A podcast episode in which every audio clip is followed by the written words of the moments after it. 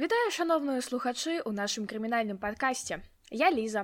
Вітаначкі, пры другім мікрафоне Ян. Слухай, хіба сягоння не будзем рабіць доўгі ўступ. Я распавяду пра Геннадзя Мехасевіча. Яго ставяць побач з чыкацілай і яно прыемка.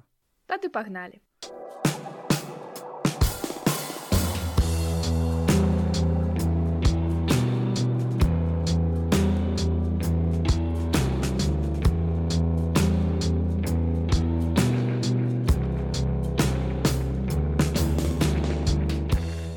Геннадзь Мехасевич нарадзіўся ў віцебскай вобласці мёрскі раён вёска і сёмага красавіка ў 1947 годзе. Бацька будучага маніяка быў алкаголікам, буяне ўганяў па вёсцы маці Мехасевіча. Урэшце за гэтым усім назіралі аднагодкі, бо вёска была невялікай і адпаведна дражнілі сына агрэсіўнага алкаголіка, што вельмі балюча ўспрымалася геннадзем.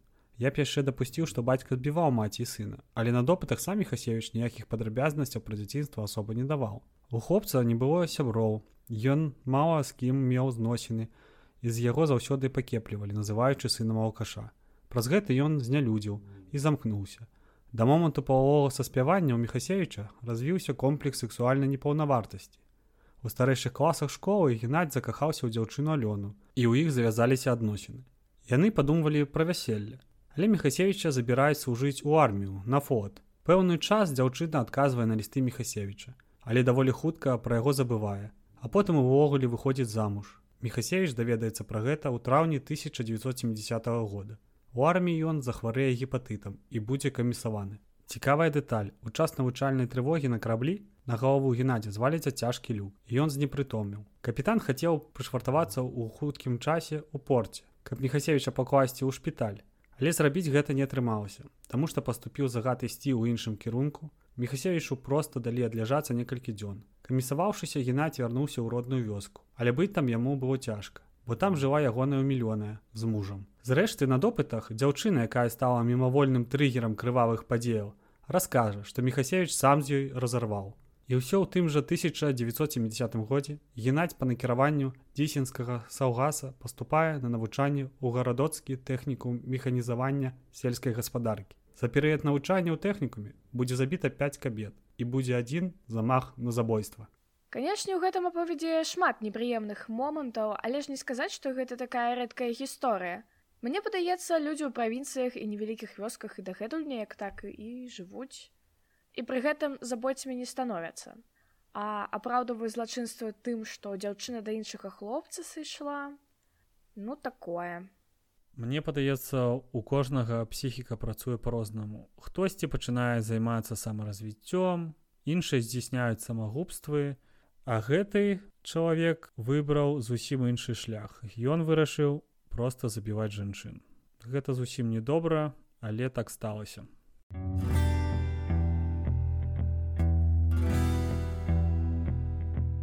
Першая ахвяра геннадзя мехасевича 14 траўня 1971 года стала Людміла Андараова. Вось як пра гэта расказвае сам забойца. Гэта было даўно. Я задушыў дзяўчыну.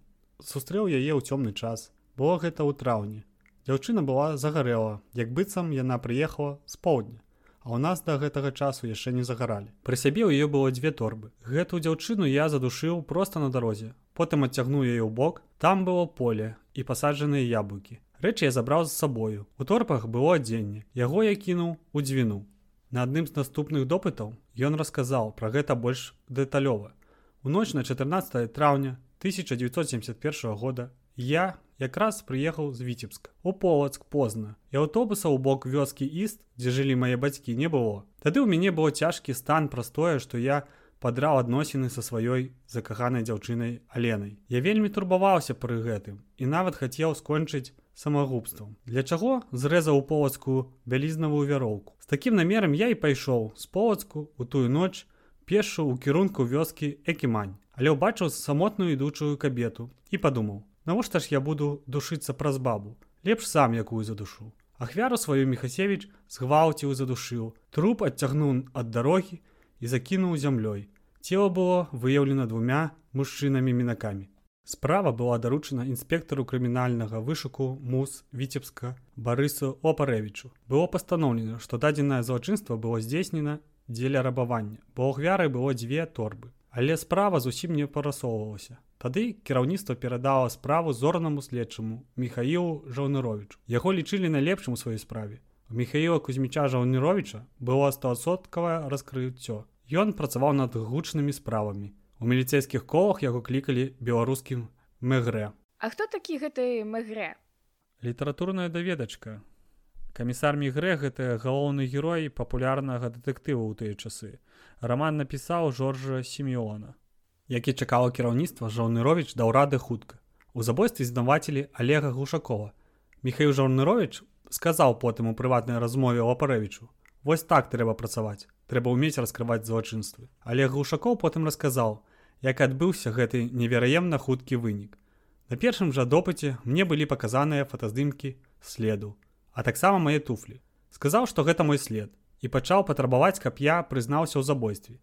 Я сказаў, што ў дзень забойства быў у горадзе горкі. Жаўнырович пачаў крычаць на мяне. Была б моя воля, я б цябе расстраляў проста тут.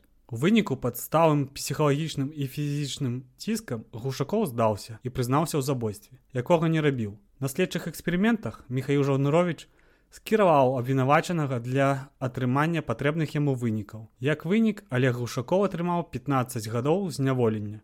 Гэта жах, што пасадзілі нявіннага чалавека. Але добра, што прынамсі несмяротнае пакаранне. Пакуль без каментароў нас наперадзе чакае яшчэ такі тэатр абсурду, што можна звар'яцець будзе. Я цябе зразумела.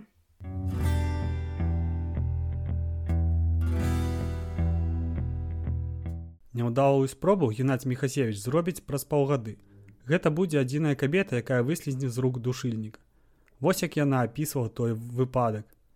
29 кастрычніка 1971 года у пятніцу на ўскрайкі віцебска за керамзітавым заводам на мяне здзейсніў напад невядомы мужчына.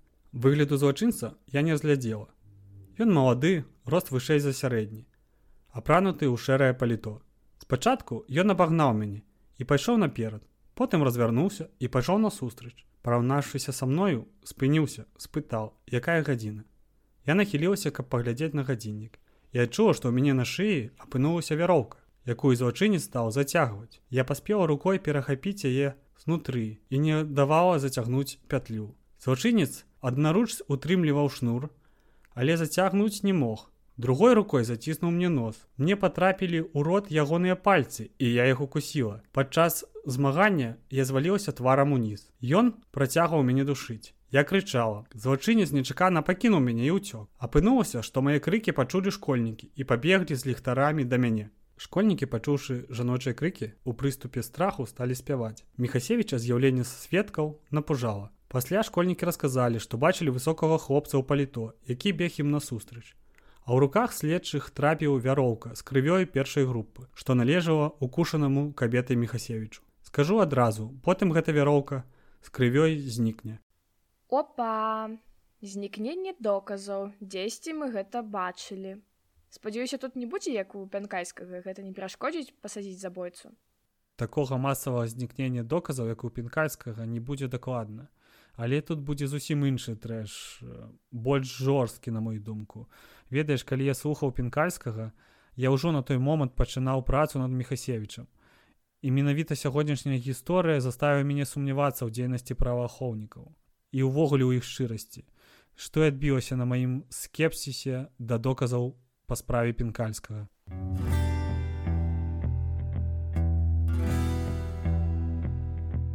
Але ў гэты ж дзень будзе забіта наступная дзяўчына дзяўчына вярталася да хаты пасля вечарыны Геннадзь замеціў яе ў грамадскім аўтобусе. Дачакаўся, калі яна выйдзе, пачакаў зручнага моманту і напаў, згвалціў і задушыў. Урывак са сводкі міліцыі. Раніцай 30 кастрычніка 1971 года у ельніку у 12 метрах ад дарогі, якая вяла з мястэчка руба да мястэчка новы, быў выяўлены труп грамадзянкі К, які знаходзіўся ў становішчы седзячы пад ялінай, абпіраючыся спіной на галіну. У рот трупа быў устаўлены кляп з часткі шаліка пацярпелай. Па высновах суда медыцычнай экспертызы смерць наступіла ад механічнай асфіксіі з прычынай перакрыцця дыхальных, шляхоў кляпам. Пасля расправы над пасажыркай аўтобуса маньякі зноў затаіўся на паўгады. Свае наступныя напады ён здзейсніць у красавіку і ліпені 1972 года. Пры гэтым Мехасевіч не губляў надзеі наладзіць нармалёвыя адносіны і стварыць сям'ю і нават спрабаваў знаёміцца з дзяўчынамі адно з ягоных знаёмстваў адбылося на танцавальнай пляцоўцы. Пры гэтым выбранніца маньяка да яго здзіўлення у той жа вечар пагадзілася з ім адасобіцца але ў нейкі момант дзяўчына зразумела што мехасевич сарамлівы і неспрактыкаваны і гэта яе развесяліла. У адрас маладога чалавека паляцелі крыўныя жарты. Ён раз'юшыўся і пачаў яе душыць. Шансаў выжыць у яе не было. І тут Геннадзь Мехасевич меркаваў, што яго пэўна зловіць, бо людзі бачылі, з кім ішла дзяўчына. Але зноў міліцыя арыштавала не таго, і Мехасевич пачаў адчуваць сваю беспакаранасць. Нішто сабе спробы адносіны з супрацьлеглым полам наладзіць. Тут цікавы момант, нават жартаўлівая крытыка ад жанчыны выклікае ў яго лютасць. Аднойчы Мехасевич скажа: « Калі ж я ўваходзіў у кантакт з кабетай, мное валодала нейкае вар'яцтва, у якім я кабет душыў і забіваў, Я лічыў, што кабет трэба неадметна забіваць. І ў такім выпадку нічога не мог сабой зрабіць. Проста пасля забойства ў мяне настала палёгкая. Пра тое, што здзейсціў, я ніколі не шкадаваў.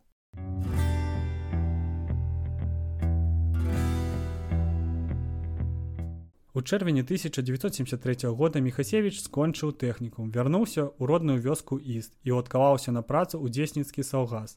Двумя месяцамі раней ён здзейсніў новае злачынства ў раёне станцыі Усоча, схвалціў і задушыў дзяўчыну. Вось прызнанне Мехасевіча. У той час у мяне ўзнікла жаданне напасці на якую-небудзь кабету, каб яе задушыць. Таму, калі я бываў у віцебску, то ездзіў па ўскрайках, дзе і нападаў на першых, якія трапляліся мне кабет. Пасля чаго я адчуваў вялікую палёгкую. Мой стан і настрой ад гэтага адразу паляпшаўся. У родных мясцінах серыя спынілася на год. Таму 1974 год прайшоў спакойна для жыхароў віцебскай вобласці. А вось цікава, чаму менавіта такі спосаб забойства ён выбраў, Таму што сам хацеў павесіцца. Ну тут шмат варыянтаў. Магчыма, першы раз, калі паспрабаваў, яму спадабалася гэта. Альбо можа гэта нейкая форма фецішу дачыненні да ахвяр. А можа проста было зручна. Магу толькі дадаць, што ён казаў, што калі забіваў кабету, атрымаў ад яе энергію.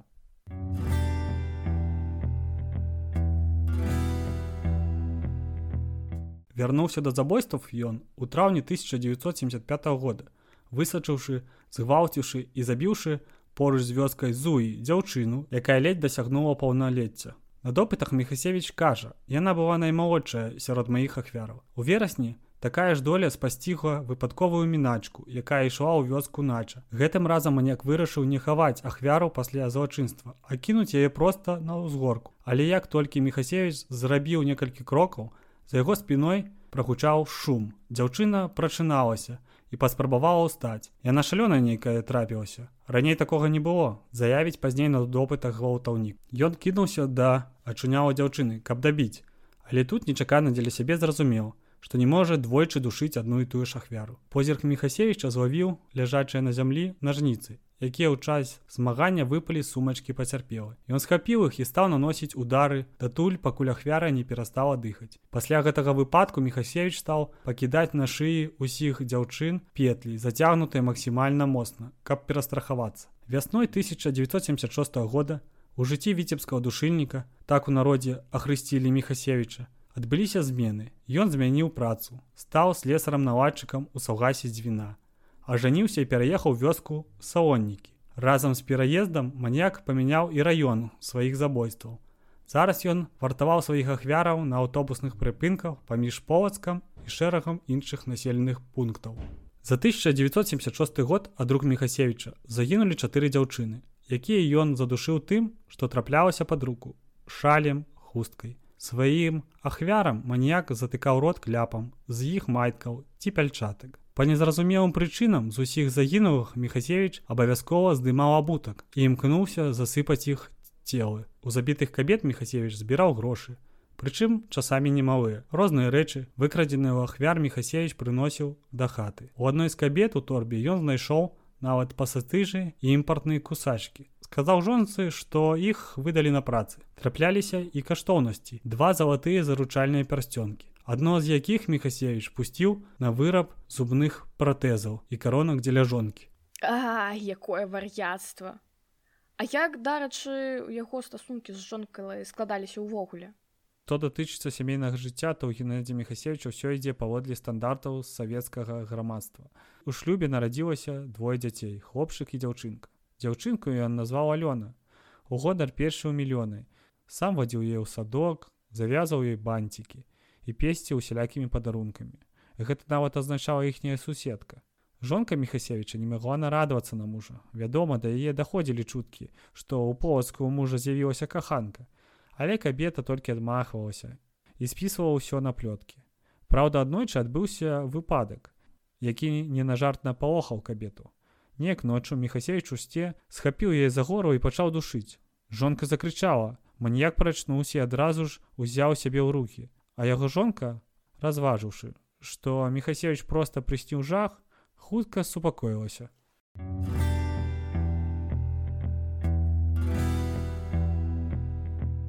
Пасля доўгага перапынку 26 жніўня 1978 года Мехасевіч задушыў ужо чацвёртую ахвяру ў той мясцовасці. Цікавы момант у гэты жа год Мехасевіч атрымаў ад КПСС машыну чырвоны запорожец. Потым ізноў працягваю перапынак больш чым да год. У 1979 годзе 9 верасня Мехасевіч забіў адну ахвяру полацку. Міліцыя зноў затрымала невіннага. Мікалая цярэню. Пад катаваннямі ён прызнаўся ў забойстве. Разам з ім была затрымана ягоная сужыцельніка Людміла. Ёй казалі, што іх расстраляюць, але калі яна прызнаецца, атрымаюць па 10-15 год. Што да довадаў, то на суде Уся доказная база будавалася на іх прызнаннях і следчых эксперыментах. Як іх праводзілі, я ўжо казаў раней. Вердык суддзі быў наступны. Мікалая прысудзілі да вышэйшай меры яго дзяўчыну да 15 гадоў калоніі. Ізноў перапынак, большым на год. У 1980 годзе новы эпізод. 18 кастрычніка яшчэ адна ахвяра у раёне вёскі ропна. Мехасевіч казаў пра тэрыторыю паміж гарадамі полацкі, наваполацк і вёскамі копцава і ропна. Там я задушыў чатыры кабеты. У той раён я адмыслова прыязджаў і сыходзіў на аўтобусныя прыпынкі, каб потым падпільнаваць якую кабету. Туды без цяжкасця можна прыехаць і з'ехаць на аўтобусе. Калі ў мяне ўдалася адбылося першае задушэнне, я палічыў гэта месца цалкам прыдатным і мяне вабіла туды. Ізноў перапынак, але ўжо меней працяглы. 15 ліпеня 1981 года Мехасевич задушыў рукамі і поясам студэнтку, якую падвозіў на працоўнай машыне. Тэх дапамога. Скраў у мёртвай зручальны пярсцёнак. У 1981 годзе адбудзецца яшчэ два забойствы 12 верасня і 23 кастрычніка. Важны момант. Тут змяняецца схема. Зараз ён не шукае ахвяр на прыпынках, а бярэ спадарожніц пад падставай падвесці. Дзеля гэтага ён будзе выкарыстоўваць або асабісты запарожаць, альбо адно з дзвюх службовых машын. Пасля расказаў, што неаднакратна яго ахвяры, адчуваючы нядобрае, спрабавалі адвесці пажаднасць маньяка. Словамі пра месячныя ці нядаўняе лячэнне ад венерычных захворванняў. Але гэта іх не ратавала, і серыя толькі пачынала набіраць звароты. А наступіў 1982 год. Яшчэ 5 ахвяр чатыры з якіх у такія дні 7 ліпеня 22 ліпень 14 жніўня і 23 жніўня. Як бачна лета было вельмі крывавым а потым ізноў зацішак амаль на год. А я так разумею што гэтыя забойствы адбываліся яшчэ і ў адным раёне? Няўжо не было сведкаў? Ну я разумею ён цяпер на машыне але ж такі маленькі прамежак паміж забойствамі гэта не магло застацца незаўважным. Прыкладна усе забойствы адбіваюцца на адной і той жа тэрыторыі. Каб вандраваў мехасевіч па нейкім іншым вобласцях такога за ім не заўважалася. На другое твоё пытанне адказ будзе пазней. Пакуль сведкаў няма. Падабаецца мне цябе трымаць троху у небачнасці падзеяў. а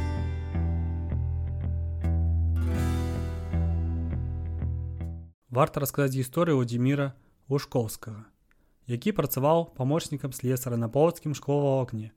Сёмага ліпеня ён павінен быў сустрэцца са сваёй сужыцелькай Людмілай Аўласенка, але спазніўся на сустрэчу на 30 хвілін. Праз 5 дзён міліцыя прыйшла за ўшкоўскім. Яго звінавацілі ў забойстве і згвалтванні. Як праходзіў збор доказнай базы, нескладана здагадацца. Усё тыя ж катаванні псіхалагічны ціск. Але Владзімир не прызнаваўся. На яго разумнае пытанне навошта забіваць нявесту з якой ён жыве ўжо амаль 5 год яго толькі працягвалі катаваць у выніку нашлі сведку які нібыта падводзіў адзіміра і людмілу сведка быў затрыманы за іншае злачынства і за свае ўжывыя паказанні яму абяцалі скасаваць срок. А Владзімир Рушкоўскі атрымаў 10 гадоў пазбаўлення волі. З вынесенага тэрміну ён адседзець тры гады.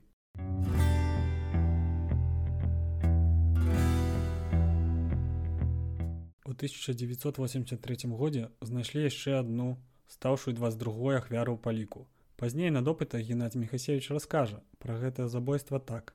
У 1983 годзе улетку мне захацелася згвалціць ці забіць кабету. Каб знайсці прыдатны дзеля гэтага аб'ект, я на асабістым машыне запорожец паехаў бок віцебску. І не даязджаючы да шуміліна, згарнуў на мястэчка. Недалёка ад аўтастанцыі на ўскрайку шашы стаяла дзяўчына, якая падняла руку. На выгляд ёй было гадоў 2022, маладая. Я паехаў на невель, бо дзяўчына сказала, што ёй трэба ехаць у тым кірунку. Згарнуў на шашу направа, там быў з'езд на поле і нейкія кусты ўздоўж дарогі.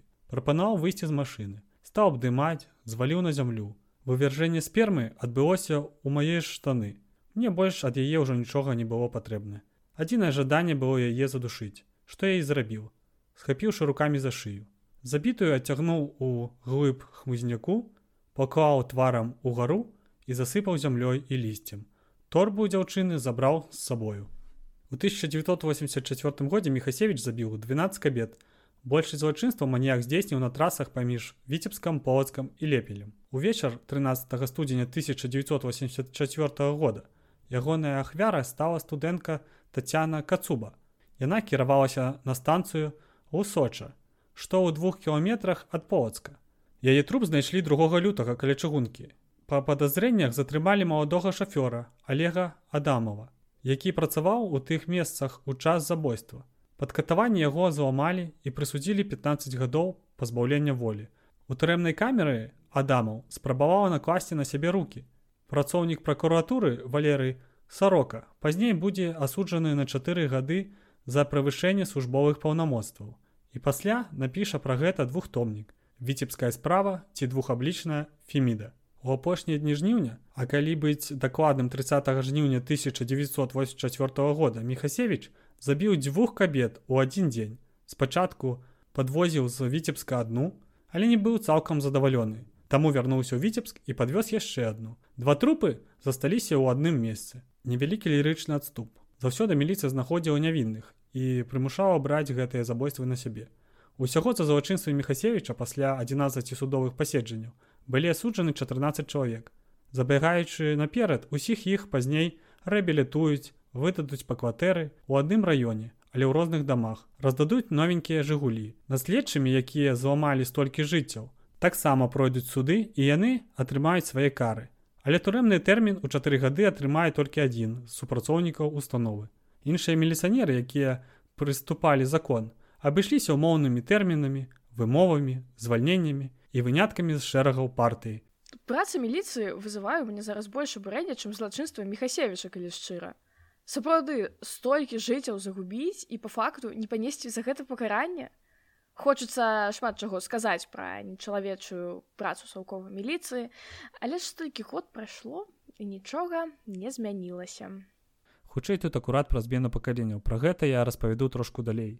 Калі прыходзяць людзі з новымі метадамі і поглядамі, яны калі не баяцца ламаюць муры гэтых укаранелых сістэм а караць саміх сябе не гэта не па-сістэмнаму А што з гэтым беларускім мігре стала жаўнырович будзе прызнаны судом вінаватым у правышэнні паўнамостваў але ў сувязі з 70годдзям кастрычніцкай рэвалюцыі крымінальная справа ў дачыненні да яго будзе спынена а сам следчы адправіцца на пенсію з захаваннем усіх званняў і ўзнагарод. Віны сваёй гэтак і не прызнае.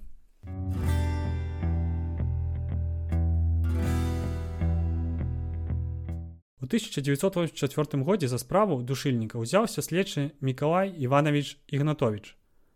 Паступова ён пачаў разумець і складаць пазл, але што было не рэдкасцю дзеля тых часоў, складней за ўсё было абараніць свой пункт гледжання.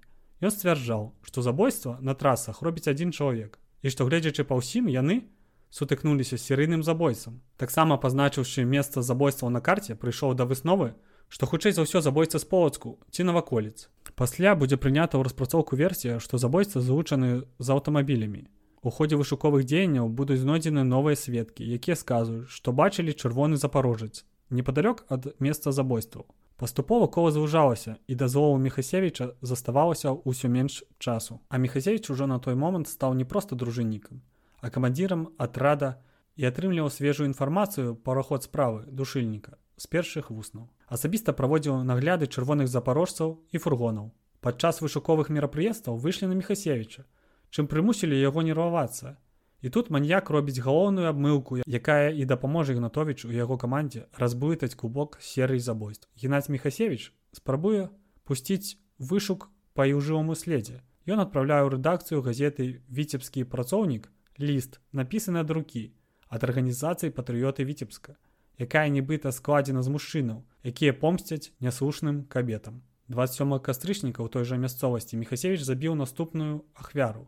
Згвалціў задушыў яе, яе ж галаўной хусткай, а ў рот усунуў запіску са словамі: за здраду смерць, змаганне з лягавымі і камуністамі і подпісам патрыёты віцебска. Гэтай запіскай спрабаваў сцвярдзіць абмылены след. Дазволу маньяка засталіся лічаныя месяцы. Чаго? гэта такая бязглузіца тое што ён зрабіў але ж для нас добра бо так яго і зловіць так менавіта канешне трошку прайдзе часу але пазу складуць. Так вось такая дробязь як запіска адыграе важную ролю ў пошуку. Варта адзначыць што дзякуючы працы ігнатовіча яго каманды справа пачала рушыцца. Ды так хутка што прымусіла зрабіць гэтую памылку самого мехасевіча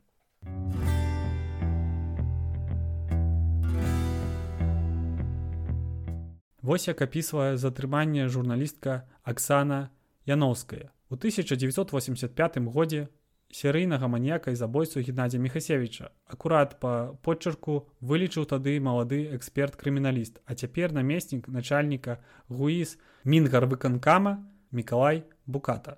Пры расследаванні чарговага забойства аператыўнікі выйшлі на след Мехасевіча. Сведкі расказалі, што ахвяра сядала ў чырвоны запорожец. Пачалі правярацца ўсе ўласцівыя аўтамабілі гэтай маркі. Дапыталі Геннадзя Мехасевіча. Пры праверце яго алібі пацвердзілася. Але спалохаўшыўся, ён пачаў пісаць адводныя лісты. У рэдакцыю газеты віцебскі працоўны. Прыйшоў ліст, у якім расказвалася пра існаванне ў горадзе фашысцкай арганізацыі патрыёты віцебска, якая змагаецца з існым рэжымам. І ўсе забойствы вакол віцебска справа іх рук. Былі Правераныя почеркі практычна ўсяго сталага насельніцтва віцебска. Вывучаліся заявы ў аддзелах кадраў, карткі ў пашпартных сталах, іншыя дакументы. А выніку ўсё не было. 7 лістапада 1985 года каля віцебскай кальцавой дарогі зноў выявілі труп кабеты. У роце ахвяры была запіска за здраду смерць, змаганне з лягавымі і камуністамі. Стала выяўлена, што ліст у рэдакцыю і запіска напісана адным чалавекам. У горад на звіне камандзіравалі больш за 100 чалавек з усіх праваахоўных структур бССР і ўсяго саюза, улічваючы пракуратуру ССР і КДБ ССР. Усе прыйшлі да адназначнай высновы, што дзеля здзяйснення злачынстваў патрэбен транспарт. І тады пад самым рознымі падставамі міліцыянеры адабралі больш за 200 тысяч узораў почырку уаснікаў прыватнага транспарту і кіроўцаў дзяржаўных аўтамабіляў віцебска і вобласці. Усе гэтыя паперы засталіся у УСС віцебск або вукамкама. Там працавала 17 экспертаў почерказнаўцаў з усяго ССР. Мабыць, усе эксперты на памяць ведалі ўсе асаблівасці почерку аўтара ліста і запіскі. Але адабраныя міліцыянерамі ўзор почерку серыйнага забойцы, які жыў у віцебскай вобласці, трапіў у рукі мікалая букаты. Безумоўна, злачынец старанна змяняў свой почырк, але індывідуальныя асаблівасці гэтакі кідаліся ў вочы. На затрыманні маньяка адправіліся тры групы захопу, але Мехасевіча дома не апынулася. На працы таксама.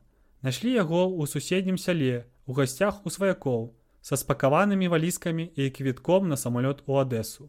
Было гэта 9 снежня 1985 года. У момант затрымання Мехасевіч быў спакойны і сказаў жонцы: « Гэта абмылка, я хутка вярнуся. Яго даставілі ў пракуратуру. У кабінет да Мікалая Гнатовіча. Падчас ператрусу ў хаце падазронага выявілі рэчы забітых кабет. Следчы Мечыслаў Грыб расказаў наступныя дэталі затрымання. і вынікаў. Ніякага супраціўлення ён не зрабіў. Адзін нюанс, пакуль мы шлі некалькі сотняў метраў да машыны, ён раз 15 спыняўся мачыцца. Неўзабаве ён ува ўсім прызнаўся. Замест 22 нераскрытых забойствах ён расказаў пра 43. У тым ліку нават 13, якія лічыліся раскрытымі, па якіх былі асуджаны, а адзін расстраляны. Сей той намякаў, што лепш будзе мехасевіча прыбраць. Маўляю усе канцы ў воду, але мы вырашылі аддаць яго правасуддзю. Ахоўвалі як з рэнку вока, перадусім ад сваякоў і знаёмых забітых. Нявіна абвінавачаных вызвалілі. Сляпых, хворых, некаму з іх купілі тэлевізор, халадзільнік, некаму далі кватэру. Да ўзнагарод нас не давялі, хоць і абяцалі. Віцебскую справу спрабавалі хутчэй забыць. У пэўным сэнсе мы нават сталі вінаватымі. Мне генеральскае званне затрымлівалі. Міністр гэтак і сказаў, што ў саўміне і ЦК колі вочы моя віцебская справа. Праз тры гады з бюлетеню КДБ я пазнаў, што за яе нейкага ўзнагародзілі, але выявіць каго пэўна не ўдалося. Во гэту фармулёўка вырашылі аддаць правасуддзе. У сэнсе вырашылі. Гэта ж вашыя прамыя абавязкі згодны. Вельмі дзіўная фармуліроўка дзеля чалавека які потым адыграе важную ролю ўстанаўлення незалежнасці краіны. Ну ведаеш хіба хацелася ім такім чынам скрыць памылку? Ведаеш з глаз дало і сэрца вон.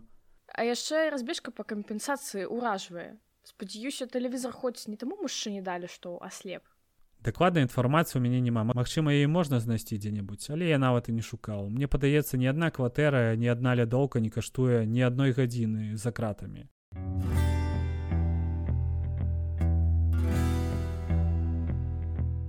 На пачатку першага допыту Мехасевіч заявіў, што двое незнаёмых прымусілі яго дапамагчы ім несці труп і напісаць лісты і запіску.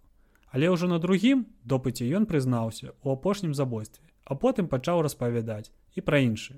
Усяго ў снежні расказаў пра 12 забойстваў, улічваючы першае. У студзені 1986 года яшчэ пра 14. Пазней у красавіку яшчэ пра 5.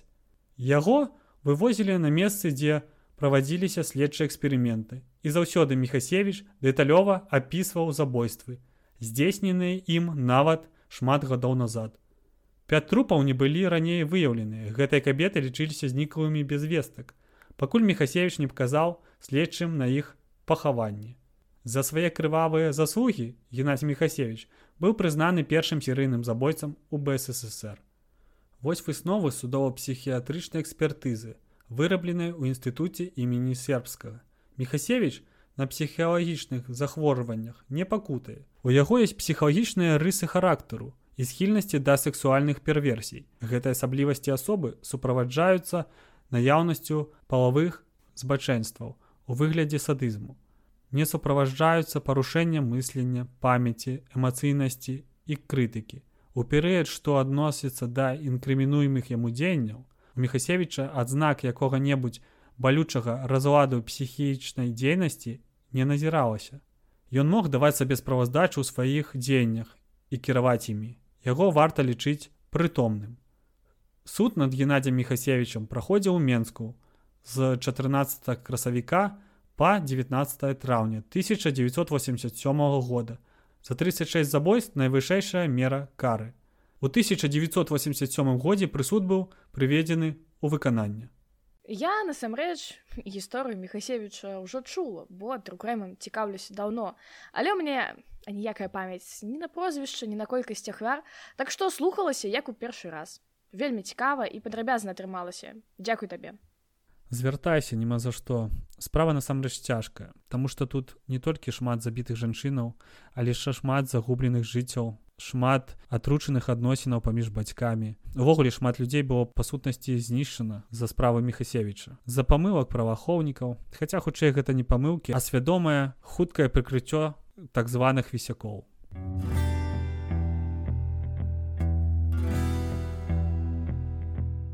Дзякую, што правялі гэты час разам з намі шаноўныя слухачы. Сачыць за новымі выпускамі нашага падкасту. А таксама зазірайце ў нашыя сацыяльныя сеткі, дзе мы, мы выкладаем дадатковую інфармацыю да эпізодах. Усе спасылкі ў апісанні. А ад мяне, як і заўжды, асабістая падзяка каналу мілагучны за мікрафон і да пабачэння. Гэта быў падказ трукраем палявання да наступных сустрэч сабры.